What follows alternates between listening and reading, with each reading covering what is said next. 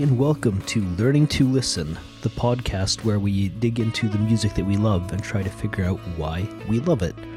My name is Adrian McAllister, and as regular listeners no doubt know, this podcast is usually in Norwegian, but today's episode was more practical to do in English, since my guest has done most of her research in English.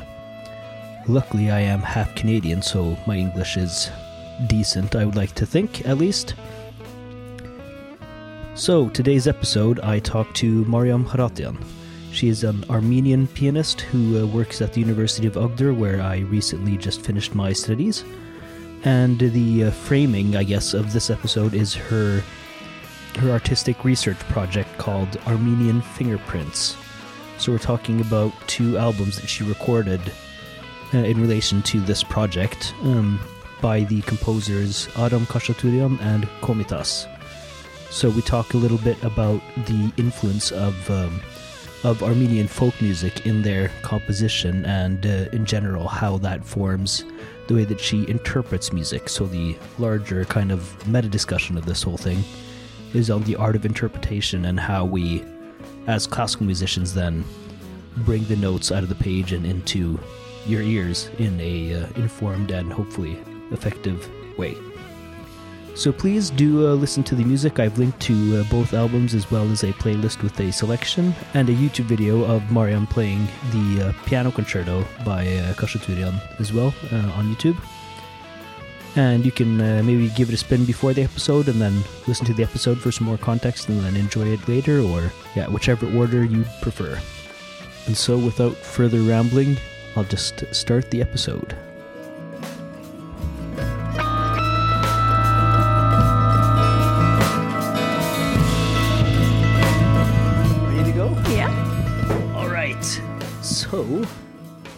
Hi and welcome to Learn to Listen. This is our first English episode, and I'm here with Mariam Kharatyan.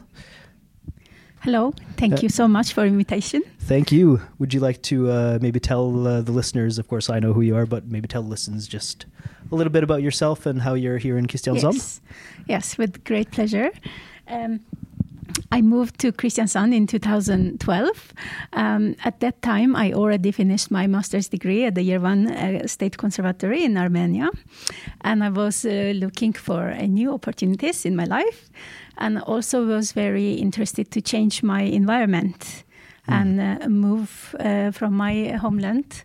Uh, and the timing was uh, very correct for, for me. So I uh, won a scholarship for two years master's degree uh, at the University of Agder in Kristiansand. So I was elected uh, in this competition for the scholarship and moved to Kristiansand. And um, after my master's degree, um, um, I started to work at the same university. And um, I already actually started to work during my studies uh, Okay. here. Yeah. And um, yes, and then after that, there came many opportunities for concerts and collaborations. So I stayed in Norway. Mm. And you haven't left since. No, no, I'm very, very happy to discover Norway. Yeah. So I learned very much, and uh, and it was a very interesting cultural experience for me to come from Armenia um, and uh, discover different musical mentality, both in uh, classical music education. Um, also in music interpretation in very different uh, aspects connected with music so Yeah. it was a very interesting experience for me What would you say would be the uh, main difference between Norwegian and Armenian musicians, um, if you have one? Uh, that's a little bit difficult question Yeah. because we have so many versatile musicians. Yeah, of course. Uh, but what I can tell the difference between the Armenian um, educational classical music educational system and in Norwegian uh, model, what I have experienced uh, during this ten years, um, I think the. mm, the feeling I got that I got a lot more space, a lot more personal space to explore my own individual um, mm, ideas regarding um, music, the program I want to uh, explore, and I'm, if I'm interested in a specific topics or composition or create my own artistic projects. So I felt I had much more room and possibilities uh, in uh, Norway to explore my personality as a musician. Yeah. So uh, when you when you then came to Norway and took your masters, were you already thinking about your uh, Armenian fingerprints project, or did that come later? Uh, it came. Um, it came. Uh, I think already on the second year. Okay. Um, in contact with my supervisor, Peshetil Farsta, Mm. um, we um, we were thinking to create um, uh, application for the program for artistic research. Um, artistic research program. Yeah. Um, uh, it's called Kunstnerisk utviklingsarbeid uh, program in Norway. Um, and it, as you know, application process takes very long time, both to prepare Yeah. and also to go through and get accepted in the program. So Mm. it took um, some years, and in 2015 I started my Mm. uh, artistic research progr- uh, project, Armenian Fingerprints, Mm. uh, interpreting piano music of Komitas and Khachaturian in light of Armenian folk music. Which is what this episode is about. Isn't that a great transition? That's right. yes. And so uh, uh, we can maybe then just start about who uh, who are Komitas and Khachaturian. Yes. Um, uh, Komitas and Khachaturian, they are two of greatest Armenian composers. Hmm. Uh, they are um, the foundation of Armenian classical music. Komitas is the founder of Armenian National School of Music, uh, and Khachaturian is the founder of Armenian National Symphonic School. So Khachaturian is and they're the physical first. schools, or Uh, no, this is like a term of Oh, yeah, uh, like the- compositional school. yeah, yeah, okay, yes, like the style. founding a tradition Yes, of, okay. for instance, Armenian symphonies. Mm. Like Khachaturian, he created Mm. the first Armenian symphony in the classical genre, Mm. uh, first Armenian piano concerto, violin concerto, cello concerto. Um, uh, he created first uh, symphonic dances for orchestra, for instance. Um, and in case of Komitas, he was the founder of National School of Music. Mm. Why? Because he was the um, first person who, in a very major way, uh, studied, researched, collected Mm. as ethnomusicologist the Armenian folk music, the folk tunes, the instrumental um, folk music, but also the vocal folk music and folk dance melodies also, Yes. which Mm. is all those are separate specific genres. Yeah. Um, and he uh, collected and then he arranged it and uh, later it was published in the european notation system and it was presented to the Hmm. international music societies in Yeah. the world uh, as a in, uh, as like own music because the the goal of Komitas was that to show to the world Mm. it was also, I think, his uh, uh, words in some of his articles that to show the world that Armenia has own music. Yeah. It's kind of in the style as the more national romantic era in Europe as a whole. And maybe if I could draw a parallel, it could be kind of like Grieg, who Norwegians, of course, know, would Yeah. also try to express uh, Norwegian style and maybe more specific to places like Norway and Armenia, which didn't have their own national state at the time. It was a little That's- more important, of course, to make your culture seen That's in the right. wider uh, musical circles of Europe. So it's not just you know Germany plus plus as Germany, France, Italy uh, plus plus as a lot of people maybe at the classical music at the time Mm. felt. So if we Mm. reflect on that, uh, um, for instance, on uh, historical political circumstances, for Yeah. instance, Komitas, he was born in Ottoman Empire, um, uh, and um, he studied in Berlin, in Europe. He got the European education, and um, and also at, almost at the same time, like the beginning of the 1900s, Mm. then uh, the eastern Armenia, that Mm. territory was invaded by Bolsheviks, Yeah. and then it was established the Soviet uh, Mm. Armenia, uh, which Khachaturian. Uh, uh, Yeah, yeah.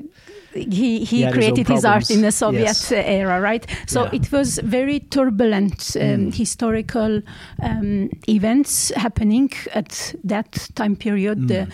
late 1800s and the beginning of the 1900s, and it was very interesting in what way these two composers. Um, uh, imbued their art with folk music, Mm. presented each of them in their own, uh, In their own way. style and Yeah. language. And um, it was also very important to mention that uh, Komitas he survived the genocide, the Armenian genocide in 1915. Um, in in a pure accidentally he survived it. Um, uh, I can go in detail about this story because it Yeah. might be also interesting. The uh, American ambassador in Ottoman Empire, uh, Morgenthau, um, he knew Komitas, and I think, um, or in many places, it's written that because of him, Komitas was um, taken back from the road of exile Okay. uh, alongside with few other individuals out of um, about, about 350 intellectuals Hmm. who were in uh, April 24th um, collected. Uh, they were musicians, architects, poets, um, philosophers, um, doctors, like very, very intellectual people. So they were gathered and they were exiled. Um, most of them were killed brutally. So that's why we mark the April 24th as the genocide uh, um, Memorial Day. Hmm. So he survived, but um, um, tragically he stopped composing almost after uh, a year. The last composition, Meshashoror, uh, he revised it in 1916. Okay. Um, after Right this after, uh, yeah. tragic event, and after that he was um, he was in a psychiatric hospital the rest of Mm. his life, and he uh, until he died in 1935, and Yeah, he which didn't compose anything. and sad. Yes. So where we were, you need to repeat the question because Yes. it's Mm. very easy to carry it out. It's so Yeah. much historical information. Yeah, yeah, of course. But it's important to know uh, at least uh, some of the context for Yes. uh, these musicians because it's uh, it is not irrelevant to the music. So it's, I think uh, it's so important yeah. because at all that historical events that were happening to Armenians, both in uh, eastern Mm. Armenia and also the western Armenia, which is now our Mm. historical lands, but uh, it is now under the uh, t- Mm. Turkish uh, territory now. Um, all these things that happening, it was so easy to lose our cultural heritage. Yeah. Um, and uh, thanks to Komitas, who was there and collecting over 6,000 uh, uh, folk tunes, but most of them didn't survive. Only about 1,000 or a little bit over uh, that amount that survived. So uh, until now, a lot of our Armenian composers they find uh, Komitas as their greatest teacher. Even Yeah. Khachaturian, uh, he, he was thinking that Komitas is his uh, teacher. His music, his art, his legacy was a great inspiration for uh, Khachaturian and all the other composers, all the generations that come until today. Mm. Yes, very uh, important context and uh, slightly uh, depressing part of the story, but uh, it's of course inspirational as well, and which kind of also uh, gets into the um, idea behind Armenian Fingerprints, which is your artistic research Yes. project, and the interplay between the classical and folk music, and you know classical music inspired by folk music, and things like that. So, how did you um, how did you kind of start getting the idea and working with uh, the Armenian fingerprints of uh, their music then? Yes. Um, the idea started um, the very first seeds of this uh, uh, project. Why uh, it started to bother me, so so to say. Um, when I was listening a lot of recordings of uh, Khachaturian's music. Um, very often I was feeling like it is played like mm, uh, almost sounding like Prokofiev Okay. um, um, because of many musicians trained in a very classical educational system. Um, and also if you know the interpretations they go through generation to generation because in classical music it's a vital part of repeating. The repetition is vital part of the classical music. And many are um, doing almost identical interpretations of the compositions and it goes a long way yeah, it becomes more uh, Like a tradition, imitation yes, instead of interpretation. right. they- And for instance, when I was listening the piano concerto or song poem of Khachaturian, I Hmm. was feeling as an Armenian who grew up in Armenia and listened Hmm. folk music since my childhood, uh, and also playing by ears uh, Yeah. a lot folk melodies and. Um, I felt that I was missing very important um, aspect of this music. Uh, I was feeling that um, if if I would start to explore and play it more, uh, I could have played very differently. And Mm. why this question was bothering me? Why is it that uh, I recognize in some of the pianist performance Khachaturian's music like sounding uh, Prokofiev? Mm. Completely different style, right? Yeah. um, and that was the beginning. Then I understood there is a missing link. There Mm. must be something that um, many classical musicians, uh, pianists, and especially who are not um, listened or informed about Armenian folk music, there is this missing gap that they perhaps didn't listen to folk music, Yeah. or else they would have played it differently. Yeah. So this started to resonate, and reflections came, and then it um, it landed on a almost five years uh, project Yes. where I started to work uh, not only on uh, Khachaturian's most uh, important piano compositions, but also gradually Komitas came into the project. Already, But he came later then. Yes, Yeah. yes. It was initially uh, planned as a Khachaturian's uh, um, project focused Hmm. on Aram Khachaturian's piano music and the interpretation of it. Yes. Even the first working title was that. Yeah. But as more as I was um, exploring the uh, Khachaturian's music, as more I was, was landing on the inspiration of uh, folk music. Uh, in his um, articles, Khachaturian also written uh, his inspiration from folk instruments, from folk troubadours art. They are called ashugh in Armenian or gusans. And this was a um, um, vital folk tradition. And Khachaturian says in his memoirs that he grew up in Tbilisi, it's in today's Georgia.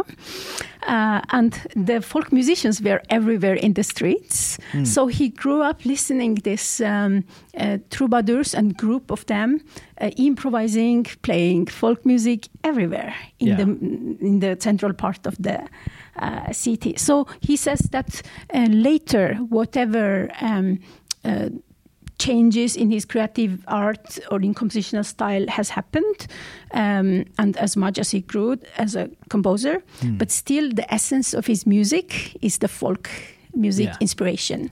And um, it's very interesting um, to mention that Khachaturian didn't use folk music as direct references in his music, but rather he was thinking about folk music as stimul, stimulus. It was like the kind of inspiration, but it Yes, wasn't uh, be- interpretation of right. melodies. So, uh, Yes. in a way, he's um, uh, the music that he composed. Uh, the Armenian intonations, uh, the imitation of folk instruments, these dissonances, the tuning, the peculiarities of tuning, uh, they are present in his music. Yes. Even though it's written for classical instruments such as piano, uh, clarinet, Yeah. Uh, or violin. For instance, his um, trio, uh, he says directly that um, this choice of the trio instrument it's not mm, uh, accidental.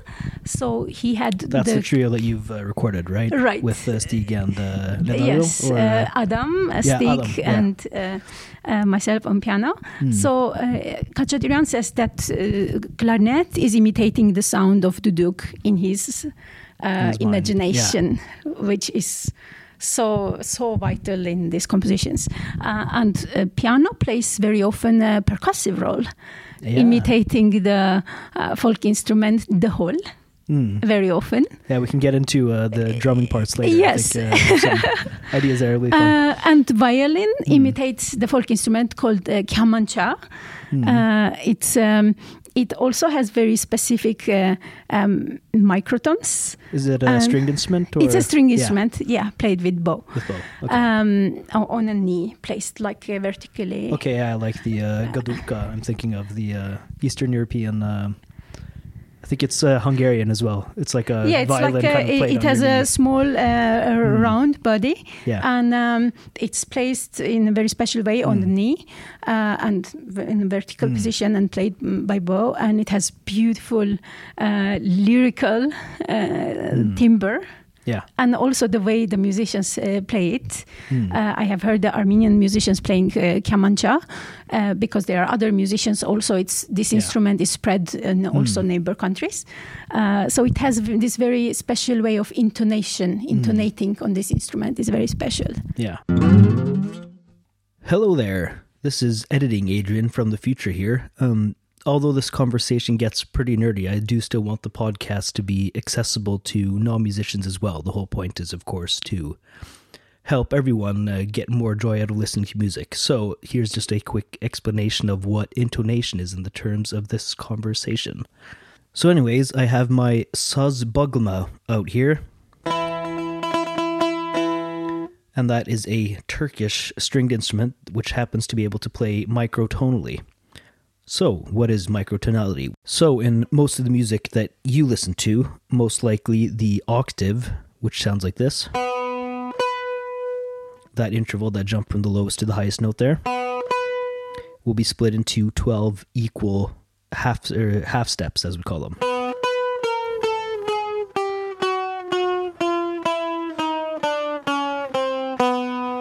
All right. And so intonation is basically how we space out the different smaller intervals in within an octave. And so in most of Western music, it's these 12 equal um, half steps. They're all the same distance from each other.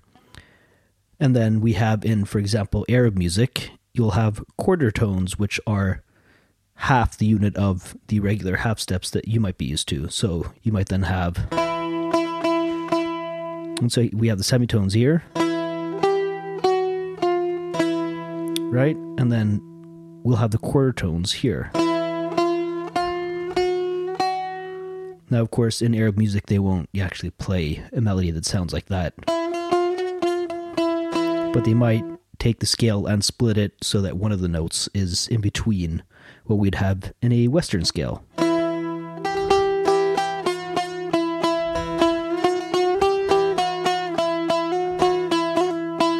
That second note there might sound a little out of tune to your ears, but in a lot of musical cultures, that will be perfectly normal. So, intonation is, of course, then different in different cultural contexts, and that's kind of what we're talking about in this conversation, where different folk instruments will have different ways of intonating and different traditions will.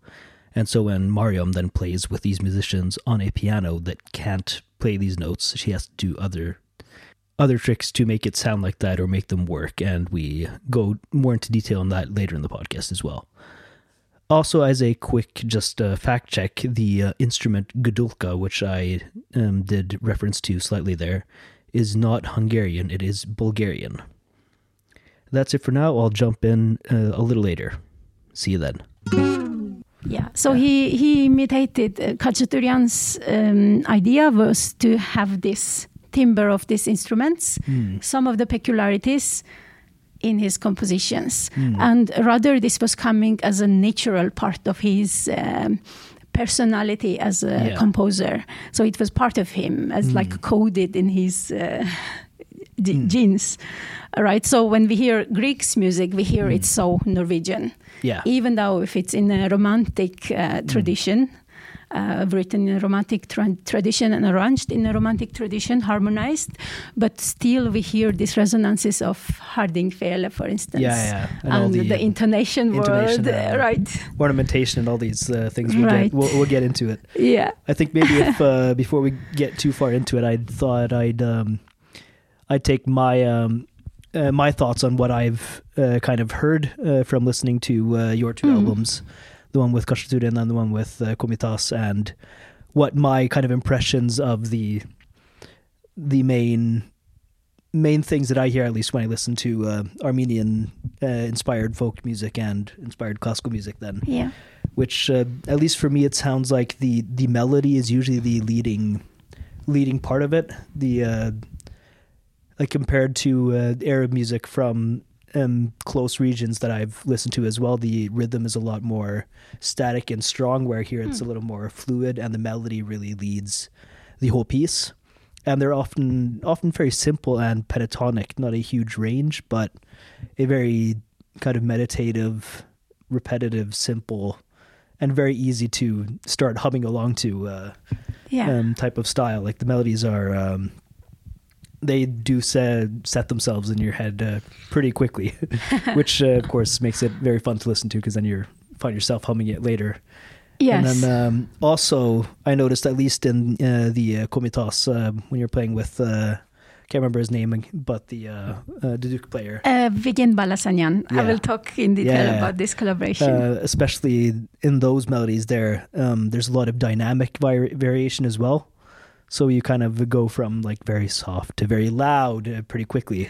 yes. And in the middle of one phrase, it's not like okay, we have one soft phrase, then one loud phrase. It's all kind of in the whole, um, the whole arc of the melody in itself, which is uh, kind of powerful and expressive, but not quite as easy to listen to when you're on the bus, for example. You kind of have to have a quiet uh, area around yourself uh, listening to that. And um, in general, the tempos were a lot slower for a lot of it than.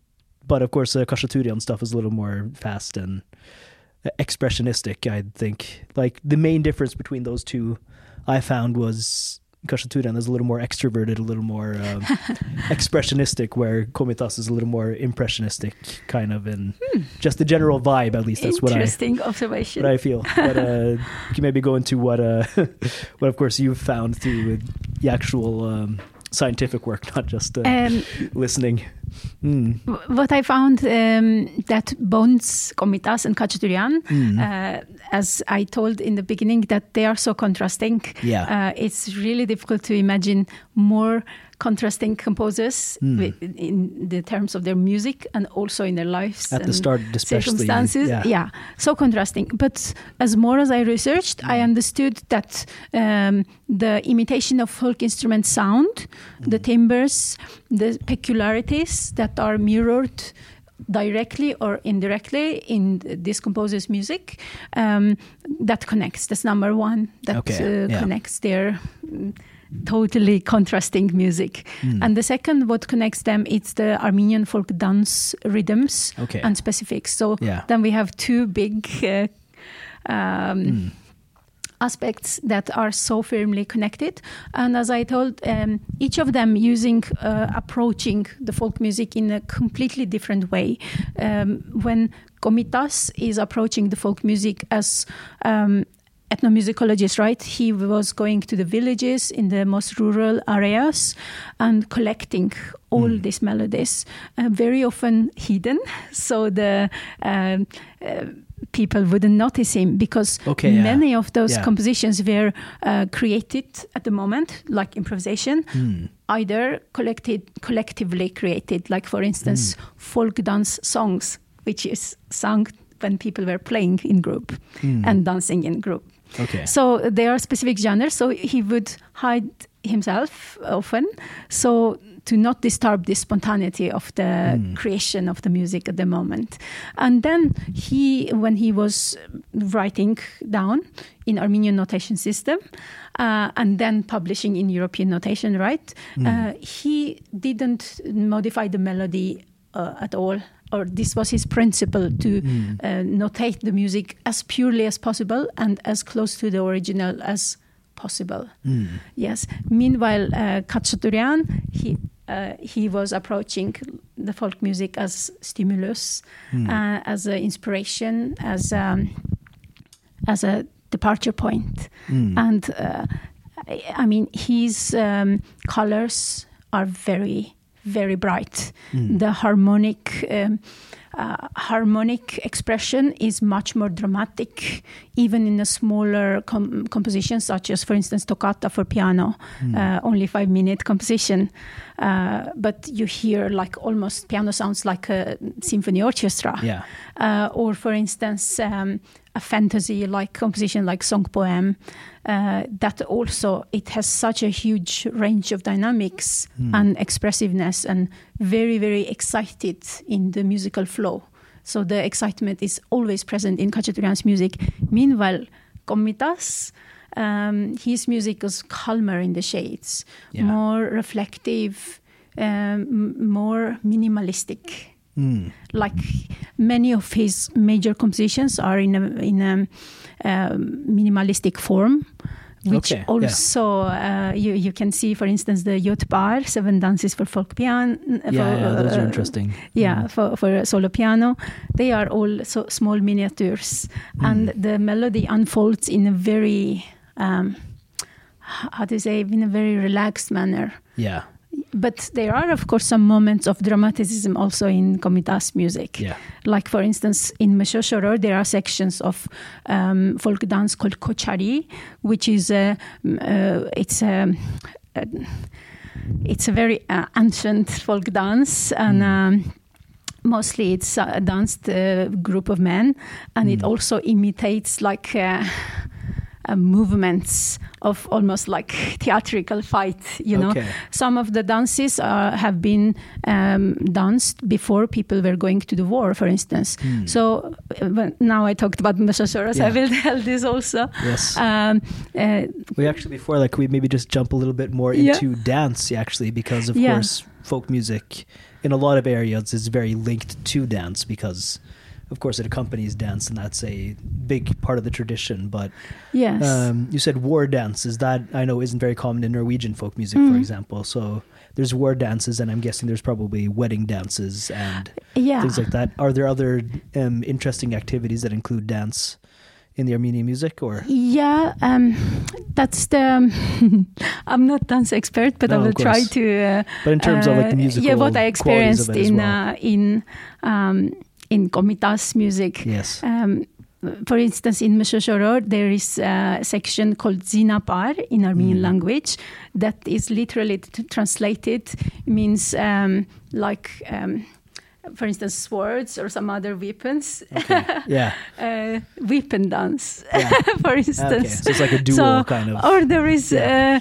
uh, um, Kochari, as I told, that is also like imitating this. Uh, um, it's very masculine dance, you know. So it's very uh, dramatic, and the movements are very sharp. There are jumps you hear Mm. in the music. Um, I can check a couple of more Yeah, uh, yeah, names please. of the specific dances. Can maybe uh, also play for some short uh, excerpts just so we can get the rhythm if you uh, if you can.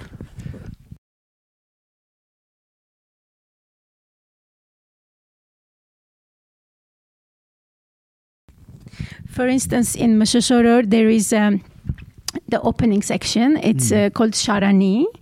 Um, this has very interesting context. I will uh, Mm. tell about this.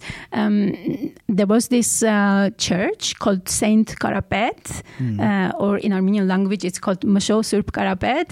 And this was a very famous um, um, spot for pilgrimage. okay. Uh, so this was a mm, church, a monastery complex, and it was also educational center. And some days of the year, it was like uh, festivities. Mm. There, uh, hundreds of people were gathering, and uh, there was this spontaneous uh, music crea- creation. There were Mm. folk instruments playing, uh, people were dancing in groups. And there is this dance called Sharani, which is involving uh, over hundreds of people forming a huge circle. Okay. Yeah. Yeah. And this uh, type of dances are documented in uh, photography by Hmm. Norwegian Bodil Katarina Biørn, Yeah. uh, who was at exactly at sa- uh, the same uh, period uh, in uh, in Western Armenia, and he was um, missionary nurse, and she was helping uh, a lot of Armenians, both Mm. orphans and women. But she was also documenting the, the life and also the genocide and all that Mm. different things that has happened at that period. So her photographies are um, very very helpful for us to understand the customs of what was Mm. happening in these dance gatherings. Yeah. So we can see in her photo just part of that huge circle Yeah. and some of the folk musicians on the left side. Um, and then the, this huge circle was moving in a very slow, almost like in a meditative state. Mm.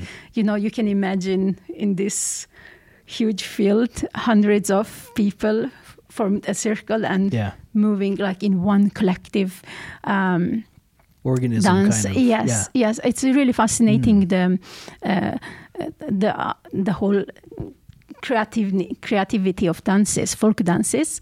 And Komitas was part of these um, festivities uh, as an observer. So he wrote down many uh, folk dance melodies or other uh, folk uh, melodies, songs from these festivities also. So, uh, and Komitas, he thinks that some of those folk dances were uh, going so far back, almost to the pagan times of Armenian history, which we are talking um, from today's perspective, it's older than 1700 years uh, dance melodies. That's what Komitas believed. For instance, um, this uh, Sharani and Tsanerpar, uh, particularly those melodies, as well as, um, for instance, the um, uh, Kochari dance, which is also believed to be extremely old. yeah, and they're all in Moshoror. Uh, yeah, all in Meshoshoror. So this is like a monumental collection of different uh, folk dances, completely different in their character. Mm.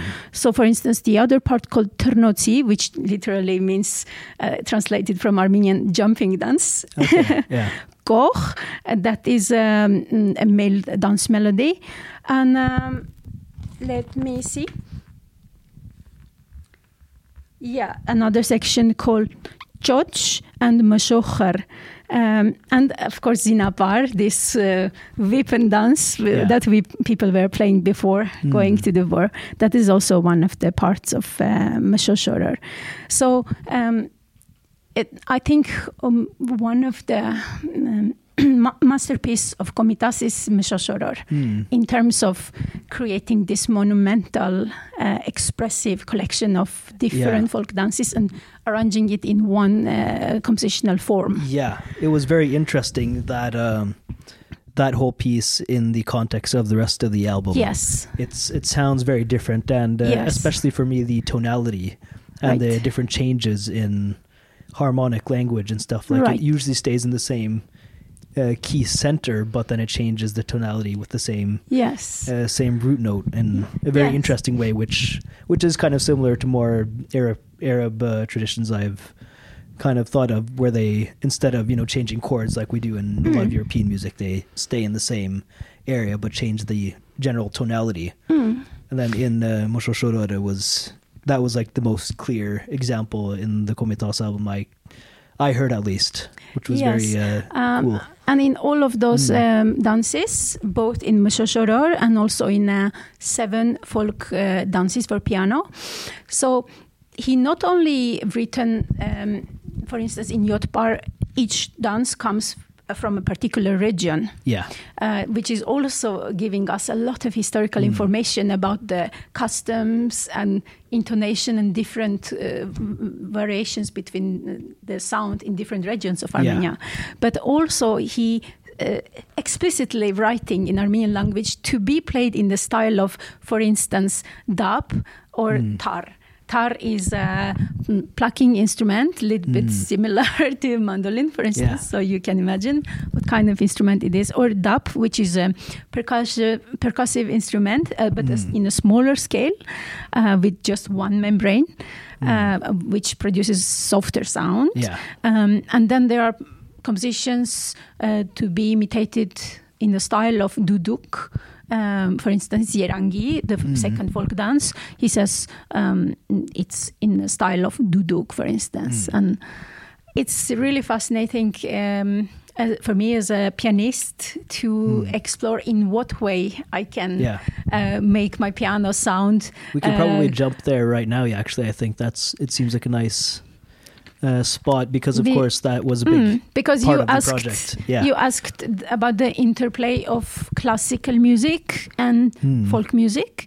So um, all that years of my artistic research project, this was one of the fundamental uh, quest. Yeah. In what way, as a, a pianist, Mm. I can express in my imagination, right, that I have this sound of folk instruments. Mm. But in what way, when I play on classical piano, grand Yeah. piano, right, with all these peculiarities, we have the pedal, we have a specific Mm. um, uh, mechanism how it works, right? And of course, In the what way- intonation uh, Uh, yes, kind of most, and also most the. In what Yeah. way to achieve at least to attempt achieve Mm. because this translation from folk uh, Mm. music to the classical music that doesn't happen so easily No. especially when we take the things in the context of being educated as a classical pianist with all the established traditions of interpretation, all the idea of Mm. we are taught right so many many years. Uh, like I started to play piano when I was uh, almost six years, Mm. and throughout these years, all these um, manners of classical Yeah. pianism you get incorporated in the body, in Yeah. mind, and there are a lot of um, artistic choices or musical choices that we do um, subconsciously without Mm. really thinking. For instance, um, body movements or like dynamic decisions or pedaling or especially the timing of music uh, Mm. a lot of subconscious decisions so uh, which are making this music to sound as very romantic music which Mm. is not that is also uh, one of the interesting aspects of in what way to perform these compositions of Komitas and Khachaturian so that they don't sound as romantic music, which is a case of many uh, musicians do that Yeah. because the mainstream of the uh, perception of uh, classical music is, of course, uh, Mm. interpreted in a romantic Yeah. uh, manner. It is a very strong. Uh, It's e- a very even in strong Baroque tradition, music and yes. earlier. and a lot of people um, yeah. Mm. do that subconsciously again without really really planning it so one of my um, uh, uh, my goals were to de-romanticize Yeah. my playing Yeah. but not uh, not viewed in such an extremist way Yeah, of course. but more like consciously to be able Mm. to choose the articulation, pedaling, uh, Mm. dynamics, uh, even the body movements. Mm. I noticed when I was analyzing my uh, uh, movements, I noticed whenever I want to have this soft, very impressionistic like sound in Komitas Yeah. uh, music to achieve this um, um, uh, some special timber that let's say I imagine in timber of Blul. You have Mm. heard Blul in the album, Yeah. right? Which is like velvet and Yeah, very uh, or duduk uh, Mm. sound, uh, very deep legatos. And I noticed that my wrist goes down more and kind of Mm. I. Uh, I search with my palm closer to the keys. So this kind of movements, I analyze that. uh, Yes, I actually change my movements so much Mm. that it brings me closer to my imagined sound. yeah. So this uh, also um, applies to pedaling. Mm. Uh, for instance, I started to use widely uh, the um, middle pedal, which is called Mm. also sostenuto pedal. Yeah, can maybe just uh, for people that uh, don't know, piano has yes. uh, three pedals, Yes. and uh, can just go through all three of them maybe Right. quickly, and you can demonstrate. I think since we have a piano here, That's right. uh, you can try that. yes, I can. Uh, Just go through the pedal functions and then maybe do some dr- uh, dumb drone drone things. yes, Yeah? absolutely. I can All do right. that. Yeah. For instance, if I take the um, very beginning of uh, folk song Kele Kele, uh, and I also will demonstrate it on uh, folk dance Shushiki, I can um, hold with the middle pedal, sostenuto pedal, some of the bass notes that I feel this can um, mirror or um, transfer the, tr- the tradition of dam. We call dam Mm. in Armenian uh, music. This is when, uh, let's say, for instance, two duduks are playing. Mm. One plays the melody, and the other holds a static tone Yeah. uh, called in English also drone or. Yeah. Yeah, a single note that just kind yeah. of stays. it can be also throughout. group of musicians who are holding this Mm. specific tone and changing maybe one or two times throughout the melody. But Mm. this tradition of dam is so um, apparent and so much present in both Komitas music and Mm. also in Khachaturian's music, even though none of the composers has written in the uh, scores the use of middle pedal. Mm. So um, I have not found a single marking a of a middle one. pedal, not even a single yeah. one. But from the notation, for Mm. instance, uh, the kept uh, legatos, like Mm. co- connecting the harmonic. Yeah, the indication that Yes, the it, it notes is are hanging together. for a musician.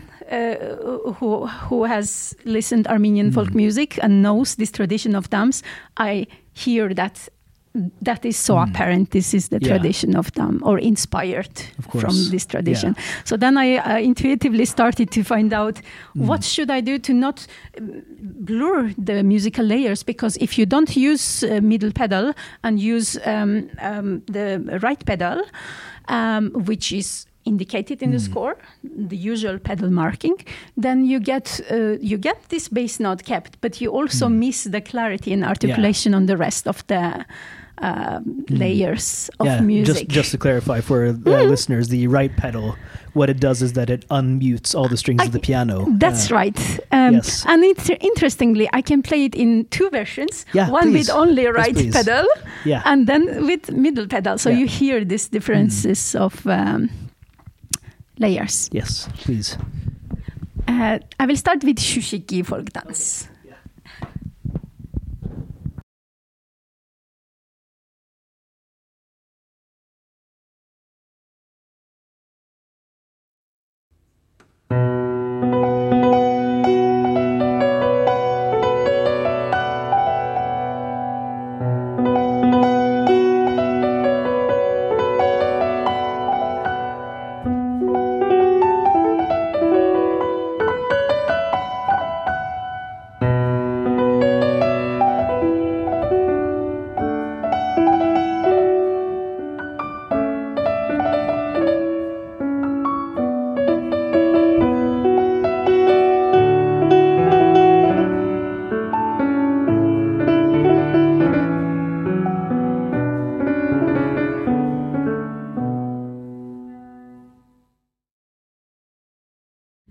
Middle pedal.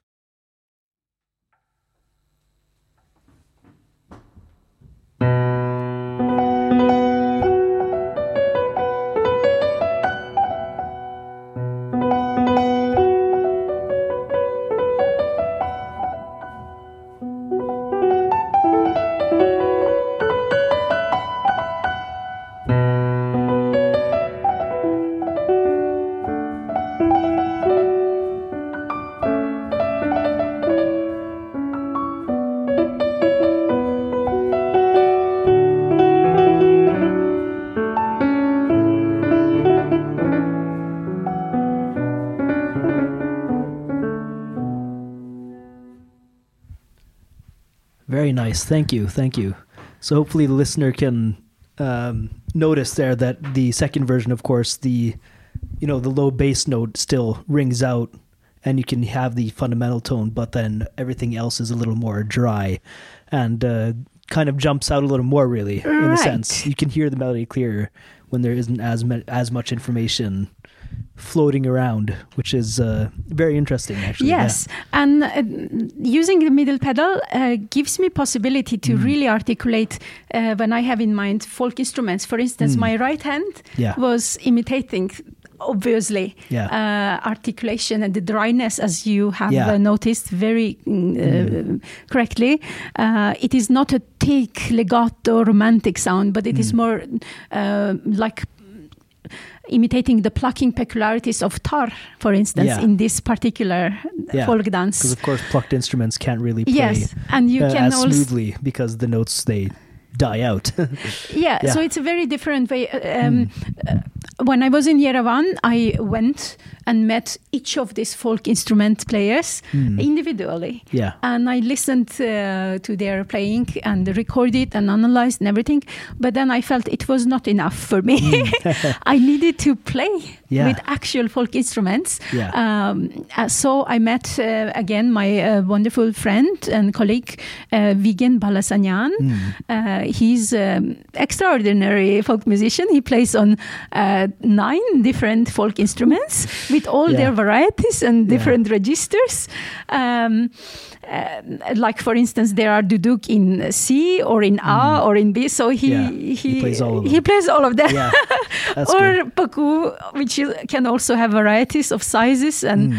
um, so he plays all of these instruments. And um, my idea to play with him was coming from my need to understand how Mm. my timing of music changes when I play with folk instruments Yeah, because they have their own world of musical timing, Mm. their own overtones. yeah, Um, and um, also to see w- what other things are transforming in my playing from this collaboration. And my choice landed on um, folk songs of Komitas, uh, which originally Komitas wrote for um, voice. Okay, Uh, and yeah. uh, arranged for voice and uh, So there are lyrics. piano. Uh, Yes, there Yeah. are lyrics on each songs, and um, there was a, one more reason why I needed to play it with folk instruments because. Yes. I couldn't stand the academic singing yeah. of the vocals because there is this. Um, there is a tradition of. Did you try it with Armenian singers or uh, uh, I have played these Yeah. uh, songs uh, with many different singers, Okay. and of course, um, they are, all are wonderful, and Mm. it's so professional and beautiful, Mm. uh, the interpretations and everything. But I had other uh, artistic vision for these Mm. songs because, uh, to me, at that point of my artistic research project, was obvious that if I start to play again with a classical singer uh, whose voice is trained academically Mm. with all the manners, vibrato, and Mm. different um, ways of projecting the sound that is Yeah. very usual for classical singer. Mm. Very I was loud usually. also, so I was feeling I would miss this. Mm. Um, um, approach of the interpretation that I was searching for. So therefore, for me uh, to play with uh, those uh, 10 folk songs, we worked with um, uh, Vigen. Uh, some of them played on duduk Mm. and some of them on bulul. Both are um, woodwind instruments, uh, very, very old, ancient instruments Mm. with the tradition of playing uh, many, many uh, centuries. So um, I think the whole experience uh, working or playing music with Vigen, it was Mm. amazing because uh, already from the very, very beginning, it was apparent for me that folk musicians they operate completely different when it Mm. comes to music making. Yeah.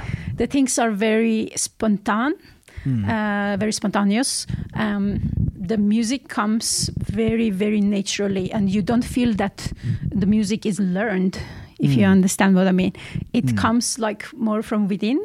Uh, it flows very naturally. You don't feel any bar lines where, when a folk musician plays a lyrical uh, love song melody, for instance, or a pilgrim song such as Krunk, the crane of Komitas. So there were so many um, aspects of working with Vigen uh, in terms of interpretation, timing, dynamics, how how to phrase the music, and also searching the timbres um, on piano while playing with folk instruments. So it was very, Mm. very eye opening and turning point actually in the project. Okay. It has opened a lot of um, interpretational possibilities. It changed my perspective on how I was uh, looking at the score at music like i would always question like how would a folk musician play this particular melody for instance in Mm. Or in this other piece you know Yeah. so it has uh, given a lot of uh, ideas in uh, Mm. music. Mm. And when it comes to the recording uh, with folk musician, with Mm. Vigen, um, entire album is um, the folk songs. They Yeah. are not cut. Mm. they are like uh, complete uh, performances. The songs Yeah, are complete. Did So- you record all the songs in sequence as well, or? Uh, we have recorded the songs in, of course, several takes. Yeah. But there is no such thing as There's no of, composites. uh, No, it's not like a Nothing, yeah. puzzle, like part Yeah. from this take, the other part from Mm. it. So each miniature, because they are Mm. very short uh, Yeah. pieces, so they are complete, like hmm. uh, one spontaneous um, performance. Hmm. And each take was very, very different in atmosphere and color and. Uh, very special and very Mm. different to um, record, for instance, with classical musicians, where we are so Hmm. occupied on the intonation on the string instruments. It's such a huge challenge, right, Yeah. to play in tune. Um, and also, uh, for instance, clarinet has own peculiarities when it comes Mm. to the recording, to not have this piercing, very loud sound, Yeah, yeah. which is so difficult to mic in Mm. uh, together with piano and violin. So there have been a lot uh, in uh, recording processes of these two Mm. albums, Khachaturian and Komitas, and again, very contrasting Yeah. experience. Yeah, because uh, of course the uh, Khachaturian album, then um, you are kind of the principal Armenian interpreter, whereas in the other one you're kind of having help from Vigen, right? So uh, how did how did things change when you were uh, working with the Norwegian musicians for uh, the Khachaturian album? Then, Yeah, that's. Or which one did you record first, by the way? uh, I recorded first Komitas album. Yeah, okay. Yes. Mm. and uh, and then entirely different experience Mm. um, when recording Khachaturian's album Mm. because the music, the again the expression of Khachaturian's music is so much more complex. The layers are Mm. thicker. They're It's a more, lot more virtuose, uh, yeah, virtuistic. as totally well. different choices to make when it comes to miking Yeah, yeah uh, during the imagine. recording because in uh, Komitas album uh, both in uh, songs that I played with folk instruments and also the solo folk dances. Mm. Uh, we mic'd the piano um, uh, close, the mic- microphones closer to the soundboard of grand Mm. piano, so we can capture this. Um, uh, the tiny shades of articulation, this dryness of when Mm. I uh, try to imitate some plucking instruments, right? Or for instance, tar or canon plucking peculiarities when I try Mm. to imitate, or even when I play with pedal or with middle pedal. So close miking is is creating different aesthetics of the sound. Yeah. So it was very important um, for us to achieve this. Uh, folk inspired sound on uh, this album uh, rather than to go the way of classical more romantic uh, Mm. sound that the mics are a bit far you hear the more the resonance of the room and you feel that the the music is played in a, big concert setting which is not the case for folk music because it's so Mm. intimate the folk music intimate, yeah. uh, it's so uh, everyday inspired. You know, there are songs that are love songs, there are pilgrim songs, they are um, lullabies. So there are specific genres of folk Mm. songs that are sung at a particular um, activity Yeah. or a life event. that is so a it's very important thing with intimate folk music, and of course. It's like part of the normal everyday life yeah. uh, rather than the more uh, grand feeling of a Mm. Concert uh, stage or a big Yeah. concert hall, which is more uh, of a classical tradition Yeah. and a romantic tradition of uh, music. I think when Um, you were speaking actually about how the uh, folk musicians, um, where the music kind of just comes from within, that can maybe be part of it as well, where classical musicians are, of course, trained to be on stage to perform in a more artificial way, in a sense where, you know, everybody's sitting facing the same direction for this one person to then share music with them from a big stage. So it's usually louder and more grand, whereas folk music isn't supposed to be hard. It isn't supposed to be. You're not supposed to be a virtuoso. Everybody should just Mm. sing. Mothers sing to their children, and people sing together when they're dancing or spontaneously. So the thing that folk right. musicians that then do this as a as a performance art as well, it still has the core of this is just something that will happen in day to day life. Maybe so. There's maybe some some part there of the soul of a uh, folk musician then compared to a classical musician Yeah, just in It- terms of how it's supposed to be performed. right. Uh, th- there are so many uh, shades to this and so many Yeah. interesting uh, um, points you have touched. I just um, Hmm. want mm, to emphasize also that. Um, the early classical music that was also part of the everyday life Yeah. So what has happened in these uh, last centuries, especially Mm. in the romantic uh, Mm. uh, era, era of the classical music, that's where the things uh, became. Um, how to explain this? Um, it went a bit further than the intimate everyday life Yeah. and became part of more um, uh, world that is existing in the concert uh, Mm. stage with the barrier. It's a clear separation between the performer with the Mm. stage, which is higher than the Yeah. uh, the audience um, uh, placed in the concert hall, right? And uh, also, then it was the development of the symphony orchestras uh, Mm. and orchestra music, and also opera. So I think um, I think this uh, the Romantic era has a huge influence in uh, uh, in terms of how far we c- we can come from folk Yeah. uh, aesthetics and more to this more artificial, more trained, learned music to perform in a particular moment that is uh, planned you know Mm. so you come to the stage you know when you have to perform it's announced and you know whole program Yeah, the yeah. order of it and everything so Everybody it's more claps, you bow. yeah there Yeah. are specific things you need you need to follow rules and everything Mm. but in in folk music it's very very different Mm. like for instance um, if it's a labor uh, song that is Mm. sung in the fields when a man is working with Mm. animal and trying to cultivate the soil and uh, so if you ask this man to sing it's called horovel in armenian uh, language this specific genre of folk song uh, Mhm. labor songs um, they will refuse to sing because then they will say no it's winter we are not, not Yeah, working not in the field Yeah. or a lullaby but i'm not uh, um, Yeah, taking the baby to sleep. sleep, Yeah. you know so Mm. so it's so different Yeah. in many ways Hmm. Uh, definitely, the uh, I think uh, we often forget maybe that music and especially folk music makes it more apparent that often it's very formed by its context, right? So, you know, lullabies are of course meant to be soft and not too wide and surprising because it's supposed to lull, you know, a child to sleep and right dance music is you know a little faster a little more rhythmic and a little more static so that it's Right. easier to dance to and it's also like melodies and everything is formed by the instruments that exist in the area because like you Mhm. can't you can't really do huge uh, jumps in range for example with a duduk or a lot of flutes whereas on piano of course you can go from the bottom to Mm. the top very easily which is a completely different context and and even if you're a composer who's just writing off the top of your head onto paper where there's no real instrument barrier it's still part of you because of how you've grown up all the music you've heard everything you've right. you know, learned.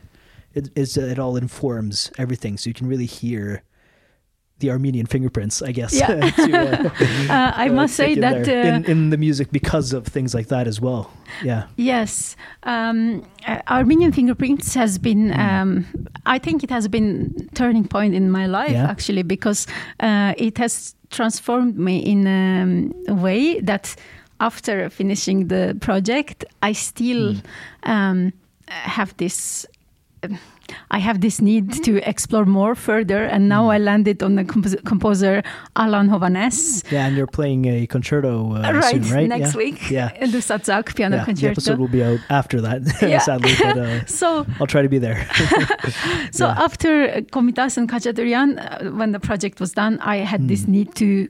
It had to continue. It naturally uh, comes new musical Mm. ideas and new quests. Quests Mm. Yeah. I want to explore, um, and I no longer approach the classical music the way before. yeah This is also very um, crucial for me as a Mm. musician because on my journey with Armenian fingerprints, there was so much information when you research about uh, the classical traditions, rom- Mm. romantic manners of playing piano, and in general performance practice, um, and then learning about the folk music and its aesthetics.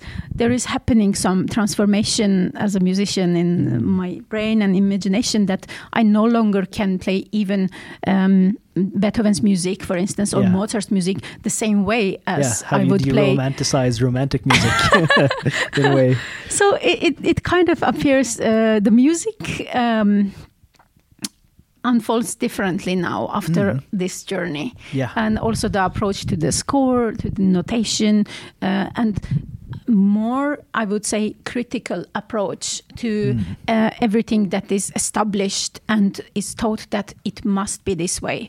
Then I immediately uh, question it. Should it be this way? yeah or maybe I could have expressed it in a very different way, maybe my way, or maybe I can find some new new things in the, exactly the same compositions that have been performed for many generations. So um, I have, uh, of course, um, um, heard that other musicians also who go through artistic research Mm. projects, it is transformative yeah uh, uh, a person is no longer the same way as uh, before yeah uh, because as it's um, it's part of the artistic research that you you go through that process, and the artistic results are. Um, res- uh, it's resulted through that work. Yeah. Not you were not working on that music, just distanced. Yeah.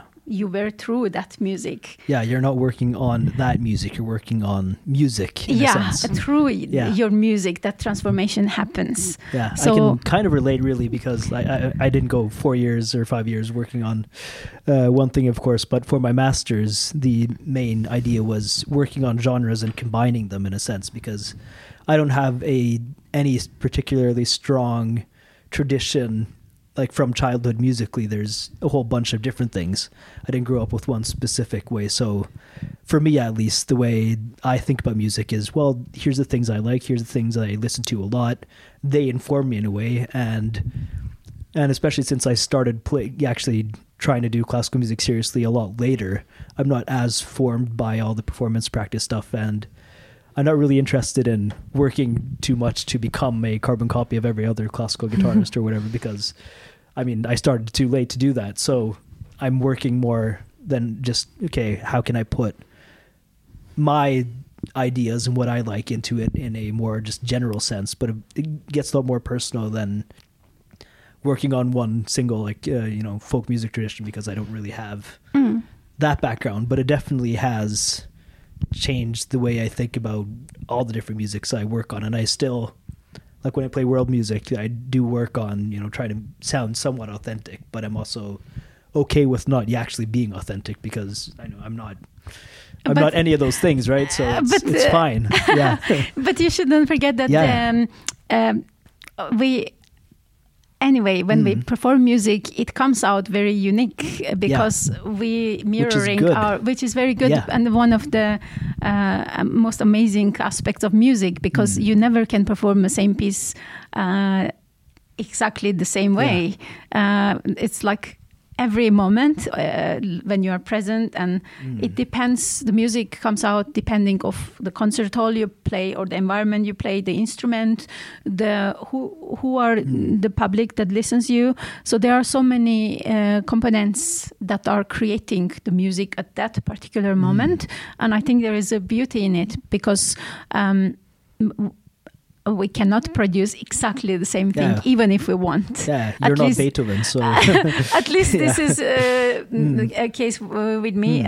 Uh, for instance, I have experienced the, the same folk dance yeah, um, w- when I performed it as an encore after the um, Khachaturian's piano concerto Yeah. in Kilden, which yeah. is I'll link to the video uh, as well in yes. the uh, episode so description. it's so beautiful Yeah. the concert hall and the public Mm. and that energy and atmosphere after you're done with the huge piano concerto Yeah. and it's more relaxed so the interpretation of that particular moment Mm. came out so impressionistic which Okay, was yeah. very strange for me also but i understood uh, that i ha- when i was exploring and with different interpretations of Mm. the same shushiki the dance i knew that there were things i wanted it differently like these plucking peculiarities of for instance but it came out completely different at that moment so Mm. there is this um, uh, aspect in the performance live performance that uh, you you have planned things right you Mm. prepared but there is this spontaneous aspect uh, that comes that you have no control on how the the atmosphere you create at Yeah. that moment and it was very fascinating because in another concert Shushiki came out more uh, when I performed again came Mm. out more towards to the folkloristic origins that I was Mm. aiming so even the same composition can be interpreted by the same person almost the same time period of life Mm.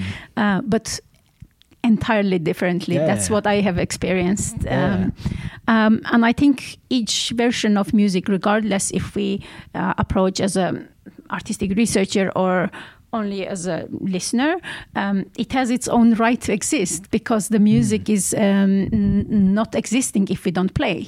Yeah. So, if I can refer to Christopher Small and his uh, book Musicking, Yeah. there he he elaborates on this very specifically. He says um, the the score itself it's not music yet. Yeah, it doesn't make any sound. It's no, just it's no. just a piece of paper. Uh, and uh, yeah. again, to link it to the classical music and the tradition, we are so used to have um, the score as the ultimate uh, domination of what our interpretation should be. Yeah. Right. Um, but I'm happy that after the project Armenian Fingerprints, I um, emancipated myself Yeah. from that belief.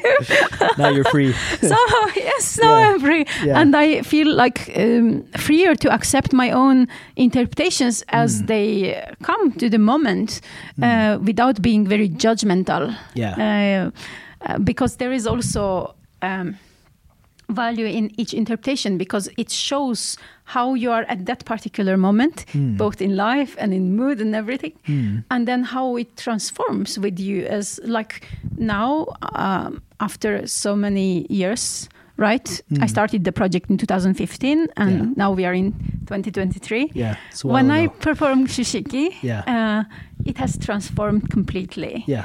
Uh, I could do different things that back in 2015 I would think, no, but this is not in the score. How can I do this? You know? Mm. Yeah. So it is a process to really um, um, approach the music uh, in a very different perspective. Mm. Both you are informed a lot with all the possibilities of interpretation, but also uh, you get to know yourself uh, a bit better, Mm. and that's where new musical possibilities, I believe, uh, can occur. Yeah.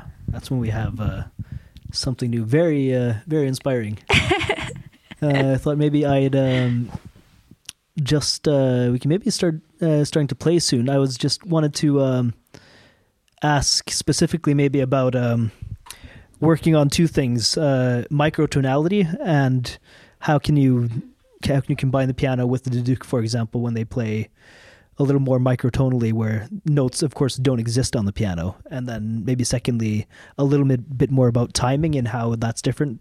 Please, with examples as well, if you. Uh, yeah, Uh, I, I would Mm. like to comment on this. Um, of course, when I was playing with uh, Bel- Belul and Duduk, I noticed that uh, as much as he was trying to tune the instruments, like Duduk, it's possible to adjust. Belul, it's not possible. Okay. Yeah. Um, it's just how it It- is. yeah, because um, Duduk has this uh, riddle. Is that correct? Read. Yeah, Yeah. read. Yeah, I think it's read. I think it's read. I, yeah. I don't it's know a very difficult word. English, uh, but, uh, yeah. I don't use them every day. Yeah. So so there are different. Um, he has this uh, ability to adjust it. Yeah, you can tune the Uh, mouthpiece basically. Uh, I played a lot with Deframe, who plays Duduk. So uh, yeah, there's this like wooden part that you uh, Yes, uh, somehow. adjust, the reeds, and it tunes it. Yeah, and it's different Yeah. in every hour of the day, depending Yeah, of humidity and Of course. the, the, the temperature. Yeah, playing Um, outside is very hard. yeah, and I was aware that Mm. the sound, the tuning of the Duke and Belul, they are not matching the um, uh, piano's tuning. But Mm. I understood that it adds this quality of the microtones. So Mm. actually, to achieve the microtones, it Mm. was to um, letting the dudukes Mm. not perfectly tuning Yeah. just come along with the piano tuning, tuning Mm. or the piano sound. Yeah. So, but when I was, um, let's say, in an accompaniment, um, I I could try to hold the secundas, Mm. uh, which, for instance, a classical musician immediately would clean up the pedal to not have it uh, Yeah. uh, this. Have two close of notes yeah. uh, rubbing but I wouldn't other. clean yeah. the pedal because Yeah. it gives this um, effect of microtones, but not entirely because the piano is tuned, of course. Uh, Yeah, you can't play out of tune. yeah, exactly. yeah, but at least through the help of pedal. So with this, if I may just, yeah, uh, go ahead.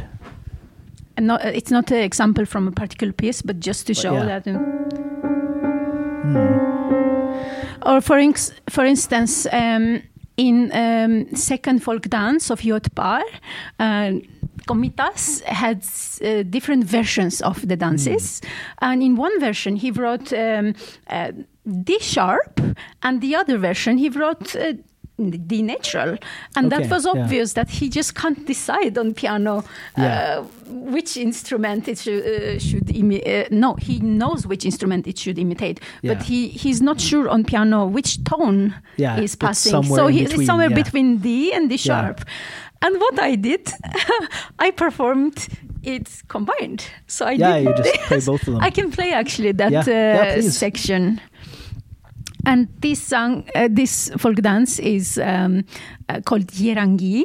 Hmm. Um, and it is from the region of Yerevan, the capital Hmm. city of Armenia. And uh, he says um, one of the instruments that he tries to imitate on piano, it's duduk. Yeah. So Yeah.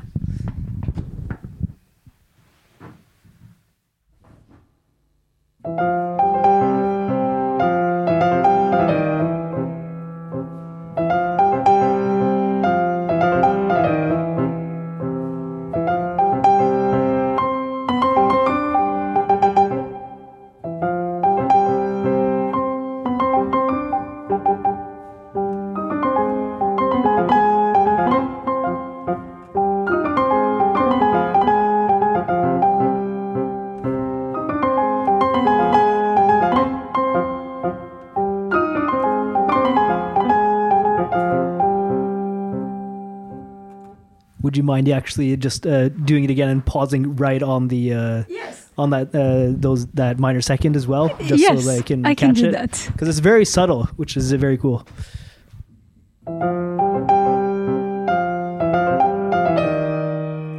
And there we got it.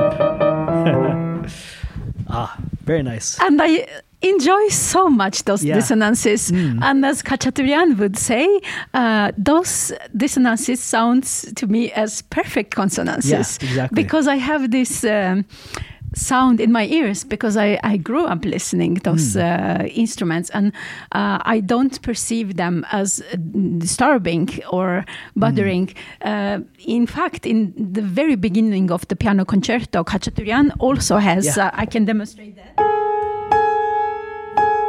So it's um, also when talking about a little bit nerd pianistic things. Yeah, yeah, yeah, go ahead. um, uh, when I was learning the piano concerto, and I was wondering, okay, there is this octave uh, and this um, small secunda, this dissonance, which is imitating folk, ninth, I uh, guess, for yeah, folk instruments, uh, these microtonalities.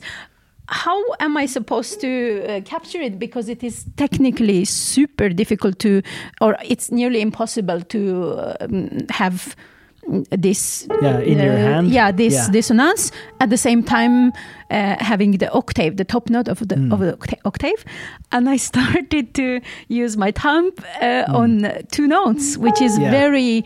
Uh, you don't have this in any classical compositions. yeah. And after uh, just couple of days, it was feeling for Hmm. me so natural in, in body. Also, it feels super natural to have Yeah. this. uh, And and this section comes in. Um, it's full forte. It's uh, Hmm. the very beginning of the main theme. first movement or Uh, the first movement, yes, you can hear it Yeah. actually in the recording. Uh, Hmm. You can even see in the cameras that I use the thumb on Hmm. two notes. Uh, to me, it is very, very natural. yeah. As unnatural it is. Yeah, yeah, yeah. and it sounds. But then again, it's just because that's how it's supposed to be. Yes, in because quotes, this was it's so not- natural uh, for um, uh, Khachaturian. He just writes this Yeah. uh, disturbing sequence. It's everywhere in his music. Hmm. Uh, he he talks about that. Oh, he says this is my disson- dissonances.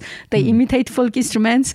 This is part of my Yeah. identity. I'm gonna have that, you know, because he was uh, created his compositions when he was very young, Hmm. Yeah. and he had these huge um, names as his teachers, like uh, Myaskovsky, Rimsky-Korsakov, you know, and it would have been very difficult for him to um, stand for his grounds, for his uh, uniqueness, right? Uh, but he did. Um, but in Komitas' case, he has it. You have to find it out in the. Looking closely in the versions, like in case of the Yerangi, and uh, all of the pianists that I hear uh, their recordings, listening, they uh, play um, mostly the second edition of the folk dances. Like Yeah. for me now, it's so unnatural to play this. Uh, Yeah. even uh, it doesn't occur to me as Armenian. Exactly, So yeah. I, um, I, I would say it came out intuitively to me that on piano I can Mm. achieve this uh, microtone effect uh, Yeah. when I. Uh, merge the first and second Mm. uh, version of Yerangi folk dance. Yeah, because just listening to uh, to it on the album, I, I didn't really catch it. When you're pointing it out there, I'm like, oh, okay, that ma- that makes sense. It's and also the concept of what is dissonant and consonant is, in large part, just a cultural thing, right? Because the piano, of course, the way it's tuned is how most of the music you grow up listening to in a Western context is tuned, but it isn't necessarily the only way to tune. Of course, there's That's right. could probably do a whole episode on tuning, but just important That's right. for listeners to get that uh, stuff that might sound a little dissonant or you know wrong, scary, bad, or whatever uh, isn't necessarily that. It's just getting Right. used to it as well. Uh, And the more you hear it, the more you get exposed to it, the more natural it feels. That's right. And then, then you get to play things like that, which is I think it's fun. really fascinating when, Yeah. um, um, for instance, if playing Bartok or Khachaturian Mm. or Komitas, right? You hear that piano. It it, it doesn't sound the classical way, and um, uh, for me, it's such a relief actually uh, through this project to find out there are. Uh, few ways, but it's possible somehow to uh, try to achieve, uh, attempt to achieve this, what you have in your imagination. It's kind of, you land in somewhere in the middle ground that you know this is not possible completely to um, imitate um, microtones, but I'm going to try, I'm Yeah. going to attempt it Yeah. somehow with putting this uh, dissonance uh, intervals or a, through a pedal to not having totally clean the classical way shifting the pedal Yeah. so there are some um, Mm. ways to achieve uh, inter- yes Yeah. microtones yeah That's very cool. Yeah. Can we also talk a little bit about timing? Uh, Yes. Just because uh, I found, just in general, uh, it's hard to put words onto it, but the way, the way the interpretations of the melodies and the way they move, especially the breaks in between repetitions and things like that, uh, was very distinct. It felt like in in all the music, really, in Right. both uh, and Komitas. yes um, i will start with um, with komitas of course Mm. um, i found that uh, the declamatory timing Mhm. inspired from folk singers or folk instruments uh, music it's crucial to achieve on Mm. uh, uh, when playing these compositions because when i have the score in front of me i have the music perfectly organized in there is the indication of the rhythm Mm. indication of uh, like uh, key um, or uh, bar lines. Uh, I mean, he honestly tried to fit the music into the European system of Yeah. notation. But for Did instance, he also write in Armenian, by the way? Yes, Yeah. he was uh, when he was notating the Mm. folk melodies Yeah. uh, in his ethnomusicological work. He was writing it down uh, in Armenian um, notation system Yeah. because there you don't have the five lines. There is no time to do that. So Mm. it's uh, it's like one line and um, One line. Uh, I Are mean there you, bar you have lines? sorry Are there bar lines? um, no. No. no. No, but uh, for instance, I have the um, image of a manuscript by Mm. Komitas, and there he he divides, for instance, like. Um, you have the lyrics, right? Mm. So you have the melody written in Armenian notation, and then you have the lyrics under. Um, he has kind of helped the Yeah. reader, but you don't really need the bar lines at all. Yeah. Or maybe the for lyrics kind of phrases. inform, uh, inform yes, it. it flows in a very different way. A phrase is, of course, also a, you know, actually, when talking about lyrics, there's phrases, there's, Right. yeah, you can just analyze the sentences in a way. Hello again. Just a quick add on to us talking about notation systems here. If you've tr- ever tried learning a musical instrument, you've probably seen standard Western notation, as we called it, where there's five lines that go horizontally, and then you place these note heads, you know, up or down depending on how high or low the pitch is, and then horizontally um, for time. Now, this isn't the only way we can write down music. There are other systems, but this is the most widespread one, so that is how most people learn music and music theory, which is also why then And so that's why the music that in general lends itself best for analysis is often classical music and other types of music that use this notation system to teach. Now, Mariam was talking about the Armenian notation system, which is slightly different. And one of the uh, more interesting differences, I mean, except for the lack of uh, uh, five lines, is also that there are no bar lines, which kind of means that in Armenian music, they don't necessarily count music in the same way that we do in in Western traditions, where we often have very metrically set up music with four bars with four beats, and that's usually the length of a phrase, and so on.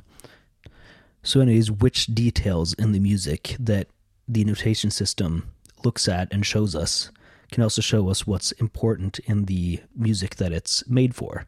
That's also why it's very interesting then how Komitas translates this music from Armenian notation to Western notation and how to communicate it to Western musicians. And again, the point that Mariam is making, it's a lot easier if you're familiar with folk music from the region to understand maybe more of the context of the music. So, um, in his uh, articles and also other um, musicologists in Armenia, mm. for instance, I can name Alina Pahlevanyan, one of the leading musicologists and folklorists in Armenia. Uh, she written in her article that. Uh, Komitas was very aware of this um, uh, collision of hmm. European notation system, and for instance, uh, how to deal with the bar accent um, uh, problem, the issue when, for instance. Yeah. Writing an Armenian melody, it's not often that the downbeat matches the downbeat of the bar. Yeah. Yeah. So I, I found that uh, actually when looking at the scores you sent me to uh, to the folk songs, and uh, the way I heard the melody didn't necessarily match up with uh, the written time as well. Yes, it was kind of its own thing. Yes, yeah. and also um, uh, the timing of music is why I say declamatory because it's mm. completely depending of the uh, uh, linguistic um, uh, rules. So say, yeah. Uh, like we have the. Um, the downbeat of the word, mm. right? Yeah. And it comes on a specific place, but it doesn't necessarily match if you look at the score. So you need to know how to pronounce that. Uh, yeah. Um, that's word.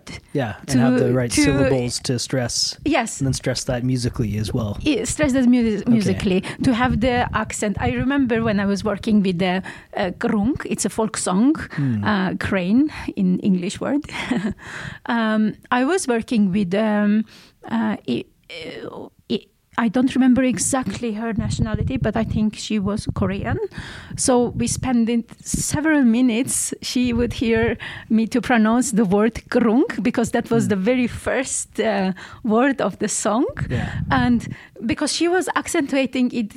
Um, completely different yeah. than I was. Uh, and that's a very short expecting. word as well. And yeah. it's uh, also charming, right? Mm. Because that's her way of uh, intonating and um, accentuating. Yeah. But when uh, you know how the word sounds, then then it doesn't match. Uh, so we had to work on that and have that accent on the right uh, place mm. so the music comes out armenian yeah. that was at least my uh, belief mm. um, and also in several places uh, of for instance garuna when we will play yeah. um, there comes this accent on the second beat because mm. that's where there is a whole new word coming mm. that is supposed to be very expressive okay um, so therefore when I look at the score, it's almost don't making sense in some mm. of the compositions of Komitas, mm. uh, and also in Khachaturian. Uh, like it's almost like you get some idea, you get the hint, but you discover on many many details when you play, and you don't find that on the scores. Yeah. So this is very specific. Uh, the declamatory timing, how to um, uh, make the music and the musical phrasing connected closely to the Armenian lyrics mm. to come as close as possible to the origins of the song. Um, and in Khachaturian's music, um, was very um, clear on his inspiration from Ashughs, uh, from the folk troubadours. And um, he wrote this composition, um, a song poem. And he writes in the title, dedicated in honor of Ashughs. And uh, the whole composition is um, full, imbued, and breathing with rubatos in such degree that the notation doesn't make sense. Absolutely, the the bar lines that uh, all the rhythmical patterns coming. It, it, he in such a genius way tried to write it in not it's composed music right? It's Yeah. a complex fantasy piece complex rhythmical structure of the violin part and the piano part so independent from each other. It's like an improvisation.